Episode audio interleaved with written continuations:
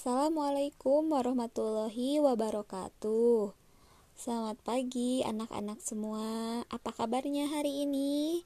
Semoga selalu dalam keadaan baik dan sehat ya. Apakah kalian sudah siap untuk mengikuti pembelajaran kali ini? Nah, di pembelajaran kali ini kita menggunakan sesuatu yang baru. Biasanya kan kita menggunakan Zoom meeting ataupun Google Meet atau WhatsApp group untuk melakukan pembelajaran. Nah, kali ini kita mencoba menggunakan podcast sebagai salah satu media yang dapat digunakan dalam kegiatan pembelajaran. Semoga anak-anak dapat mengikutinya dengan baik ya. Nah, pada pertemuan kali ini kita akan membahas mengenai materi pokok reaksi redoks dan submateri pokoknya yaitu identifikasi reaksi redoks. Reaksi redoks ini mempunyai dua kompetensi dasar. Yang pertama, KD 3.9 yaitu mengidentifikasi reaksi reduksi dan oksidasi menggunakan konsep bilangan oksidasi unsur. Dan yang kedua, KD 4.9 yaitu menganalisis beberapa reaksi berdasarkan perubahan bilangan oksidasi yang diperoleh dari data hasil percobaan dan atau melalui percobaan.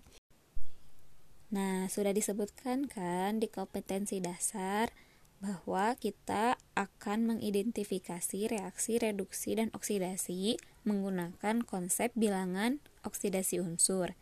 Yang mana konsep bilangan oksidasi unsur atau BILOX ini telah kita bahas di pertemuan selanjutnya karena merupakan syarat agar kita dapat mengidentifikasi reaksi reduksi dan oksidasi.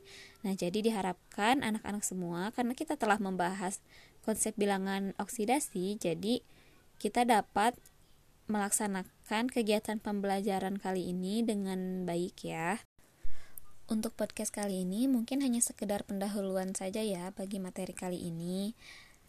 Untuk selanjutnya, kalian bisa mencari video reaksi-reaksi kimia yang ada di YouTube, kemudian kalian tuliskan persamaan reaksinya dan kalian analisis kira-kira perubahan bilangan oksidasinya seperti apa gitu. Apakah terjadi perubahan bilangan oksidasi ataukah tidak.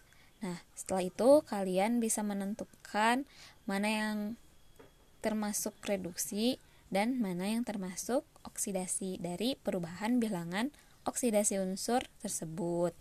Nah, jika kalian masih belum mengerti, kalian bisa tanyakan via WhatsApp group. Jangan sungkan untuk bertanya ya.